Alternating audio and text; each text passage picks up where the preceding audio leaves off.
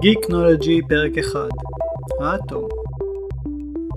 אז על מה נדבר בפרק? נדבר קצת על אה, תיאוריה, מה זה תיאוריה באופן כללי במדע, על ההיסטוריה של האטום, על אה, מצבי צבירה, המבנה של האטום, למה האטומים מתחברים ביחד, ואז בעצם כשהם מתחברים ביחד מה זה מולקולה, ועל סוגי יסודות. למען האמת, עבור הפרק הראשון התחלתי בנושא מורכב הרבה יותר. אבל היו לי שם התייחסויות לאטום ולמבנה שלו, והחלטתי להעביר ביתר פירוט את המידע על האטום קודם לכן, על מנת שאחרי זה יהיה קל יותר להבין את הדברים שאני מדבר עליהם. נושא האטום הוא הראשון שאני מנסה לכסות, וכמו שהזכרתי מקודם, המסקנות שלו מורכבות וגם הנושא עצמו מורכב. חלק מהמסקנות הגיעו להבנה מעמיקה רק לפני כ-150 שנה. כלומר שהייתה היסטוריה ארוכה של מחקר ותיאוריות עד שהגיעו למבנה תיאורטי התואם את המציאות שאנו מכירים היום. אז אולי שווה שאשקיע קצת בכמה מילים על המשפט האחרון, מבנה תיאורטי התואם את המציאות שאנו מכירים היום. מה זה בעצם אומר? המדע הוא לא תורה כתובה. הוא גם לא מסקנות מוצקות שאין להפריכן. המדע מורכב מתיאוריות שמפתחים מדענים על סמך תצפיות ומחקר, ובניית מתמטיקה שתתמוך בתיאוריות אלה. ברגע שיש תגלית ששוברת את התיאוריה, מבינים אחד משני דברים. או שכל התיאוריה היא לא הייתה נכונה בכלל, ובמקרה ענתה על איזשהו תנאי מסוים, או שהיא נכונה חלקית, עד גבול מסוים, או עד uh, מקום מסוים. דוגמה לזה היא משהו שכולנו מכירים כבר היום. תורת המכניקה של ניוטון כן, ההוא שנפל לו התפוח על הראש. נכונה מאוד ביום יום שלנו. כלומר, עבור מכוניות ומטוסים, היא מאפשרת חישובים מדויקים מאוד. אבל ברגע שמגיעים למהירויות מסוימות של עצמים, למשל אה, טילים, התיאוריה נשברת והתוצאה כבר לא כל כך מדויקת. המהירות הזאת נקראת מהירות יחסותית. ואז החישובים קצת משתגעים. מכאן צריך תיאוריה חדשה שתענה על השבירה. כאן באה התורה של איינשטיין, שיודעת להסביר את התורה של, של ניוטון, וגם לענות על החישובים ועל ההתנהגויות של המהירויות היחסותיות. ככה בעצם המדע מתקדם. ברגע שמגלים שבירה או הפרחה של תיאוריה על ידי ניסויים, מנסים ליישב אותה עם תיאוריה חדשה, שמכסה את המוכר וגם את הלא מוכר. אז נחזור לאטום. היוונים הקדמונים, או ליתר דיוק, הפילוסוף היווני דמוקריטוס שיער את קיומו של חלקיק שאינו בר חלוקה. זוהי אבן יסוד שממנה בנוי העולם. הם קראו לחלקיק הזה אטום, שפירושו לא ניתן לחיתוך. כלומר שאי אפשר לחלק אותו לעוד חלקים. כמובן שהיום אנו יודעים שזה לא נכון, ונדבר על זה בהמשך. כל חומר בטבע מורכב מאטומים. יש יסודות שהם אטומים ומולקולות, כמה אטומים בודדים המחוברים יחד מסוג אחד, כמו אה, מימן, חמצן, הליום, ברזל ועוד. ויש תרגופות, שהם כמה סוגי אטומים במבנה מולקולה המחוברים יחד, מכמה יסודות שונים. נסביר גם על זה, אל דאגה. כולנו מכירים את המושג מצב צבירה. מצבי הצבירה המוכרים לנו הם גז, נוזל ומוצק. ישנו מצב נוסף הנקרא פלזמה, שלא נדבר עליו כרגע. מצבי הצבירה קשורים גם הם באטומים, או יותר נכון, בצפיפות שלהם. כלומר, המרחק של האטומים אחד מהשני. במצב הצבירה גז, האטומים במרחק גדול אחד מהשני, והם נעים מהר ומתנגשים אחד בשני. גז תמיד יהיה בטמפרטורה גבוהה יחסית אליה החומר יכול להגיע. כלומר יותר מנוזל או מוצק. גזים הרבה פעמים אינם נראים. כיוון שיש מרווחים בין האטומים השונים, שהאור לא פוגע בהם, ולכן לא מגיעים לעיניים שלנו. לכל חומר יש את הטמפרטורה שבה הוא הופך לגז. כולנו מכירים את המים שרותחים ב-100 מעלות. כלומר הם הופכים לגז בטמפרטורה של 100 מעלות צלזיוס. במצב הצבירה השני של נוזל, האטומים קרובים אחד לחצית לשני. וזזים יותר לאט מאשר בגז. האטומים עדיין לא מסודרים כגוש ונעים מצד לצד. כיוון שהרווחים קטנים יותר, האור פוגע בהם ולכן אנו רואים נוזלים. המעבר לנוזל נקרא עיבוי, והמעבר מנוזל למוצק נקרא התמצקות. עבור מים כולנו מכירים את המושג הזה כקיפאון. במצב צבירה מוצק, האטומים צמודים אחד לשני, בסדר מסוים, גביש או קריסטל, או כגוש. רוב החומרים בטבע הם גבישיים. במים למשל, המעבר ממצב נוזל למוצק נקרא קיפאון, וזה קורה ב-0 מעלות צלזיוס. האטומים במצב זה צמודים אחד לשני מאוד, והאור הרבה פעמים לא יכול לעבור את החומר, ולכן חומרים במצב מוצק בדרך כלל אינם שקופים. מצב זה יכול לקרות גם בנוזלים. ככל שחומר עובר ממצב צבירה אחד למשנהו, הנפח של החומר משתנה. כלומר, כמה מקום הוא תופס במרחב. בגז, מצב החומר הוא בנפח הגדול ביותר. לאחר מכן, בנוזל הנפח קטן יותר מגז. לבסוף, במוצק, בו החומר בנפח הכי קטן שלו. כאן חשוב לציין כי קיים חומר אחד בטבע, שנפחו גדל במעבר מנוזל למוצק, וזה מים. המבנה הגבישי של המים מגדיל את נפחו במעבר למוצק.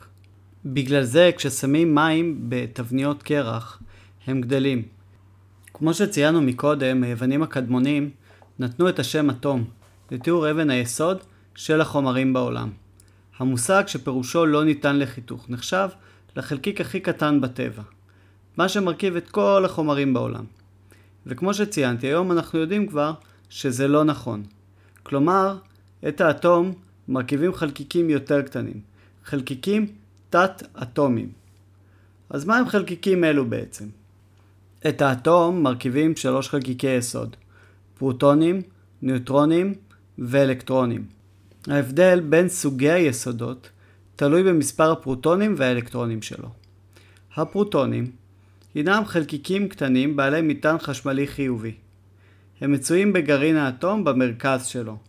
הניוטרונים, חסרי מטען חשמלי, נמצאים בגרעין האטום ביחד עם הפרוטונים ומדביקים אותם ביחד בגרעין. למה צריך להדביק אותם ביחד? כיוון שחלקיקים בעלי מטען חשמלי זהה, כלומר חיובי וחיובי או שלילי ושלילי, דוחים אחד את השני, ולכן הפרוטונים לא ירצו להיות יחדיו בתוך הגרעין ביחד. האלקטרונים נמצאים מסביב לגרעין במסלולים שונים, או יותר נכון במרחקים שונים מהגרעין הידועים מראש. וזו נקודה חשובה ועקרונית שהתגלתה רק לפני כ-150 שנה, כיוון שזהו הבסיס לתורת הקוונטים. פירוש המילה קוונט הוא בדיד. עד כמה שזה נשמע מוזר, תורת הקוונטים היא תורת הבדידים. פעם חשבו שהם נעים במסלולים מעגליים סביב, ולא במרחקים קבועים. היום יודעים שתנועתם לא בהכרח מעגלים, ומרחקים קבועים אלו נקראים קליפות. אז לשם הפשטות נסתכל על אטום המימן, היסוד הכי קטן בטבע. המימן מכיל פרוטון אחד ואלקטרון אחד. ויכול להכיל ניוטרון אחד או יותר. המצב הרגיל הוא עם ניוטרון אחד, אך הוא יכול להכיל שתי ניוטרונים או יותר, ובמצב זה הוא נקרא איזוטופ.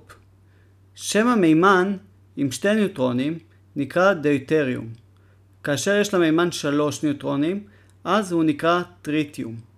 מעבר לכך יכולים להיווצר אטומי מימן עם ארבע ואפילו עם שש ניוטרונים, אבל במצבים כאלה האטום ממש לא יציב, וישאף למצב בו הוא יציב. אז אה, איך אטומים מתחברים, או מהי מולקולה? בשביל להבין איך אטומים מתחברים יחד, ולמה הם עושים זאת, נדבר עוד קצת על האלקטרונים, והקליפות שלהם.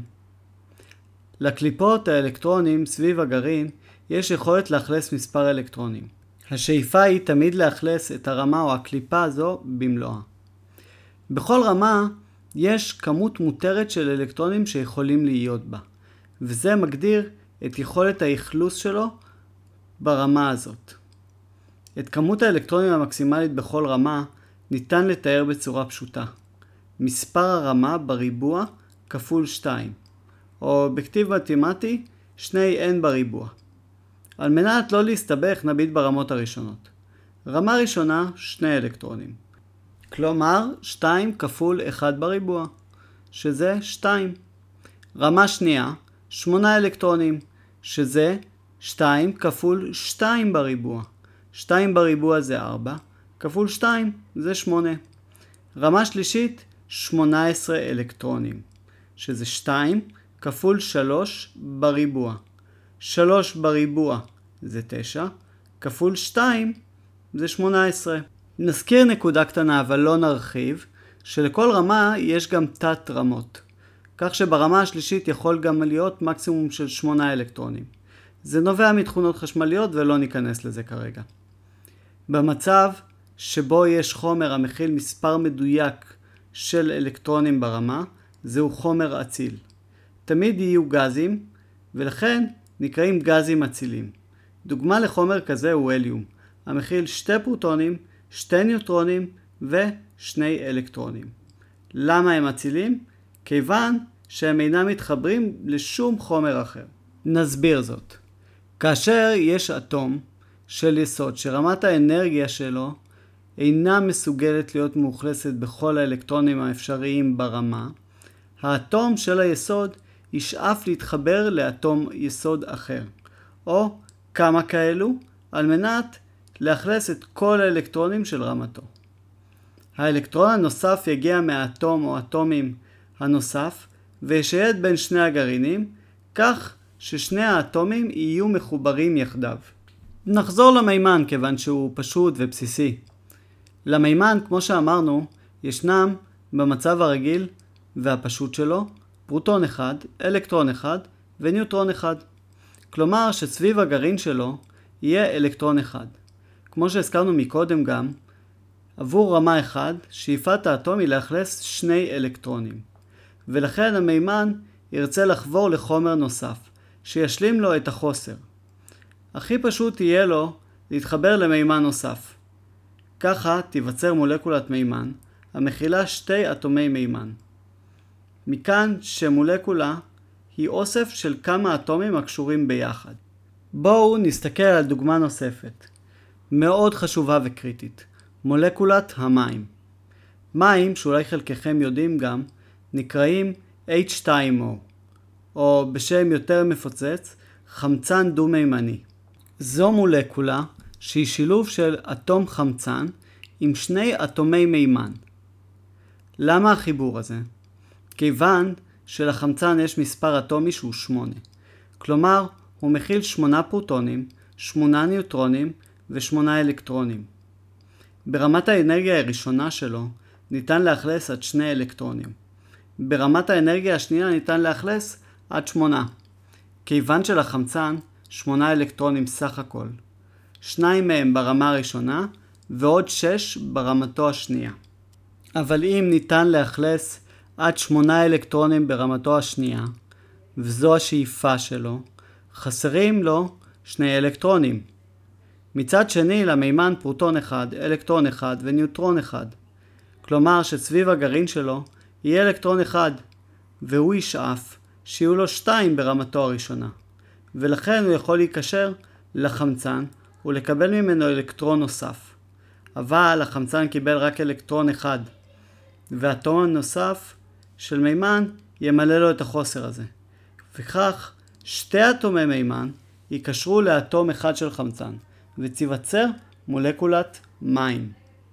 אז מולקולה היא חיבור של כמה אטומים מאותו יסוד, או מיסודות שונים, שמתחברים בשאיפה למלא את מכסת האלקטרונים המקסימלית עבור כל אחד מהאטומים במולקולה. על פי רוב, הקשרים של המולקולה מאוד חזקים, ודרושה התגובה החזקה מאוד על מנת להפריד קשרים אלו. כל היסודות המוכרים לנו כיום מסודרים בטבלה הנקראת טבלה המחזורית, אותה חיבר ביחד מנדלב.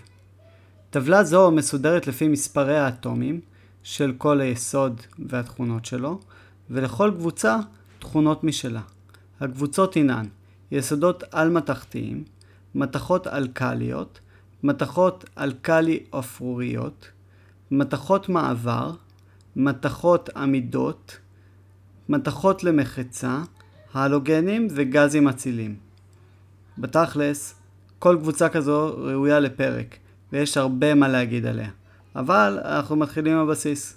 ניפגש בפרק הבא.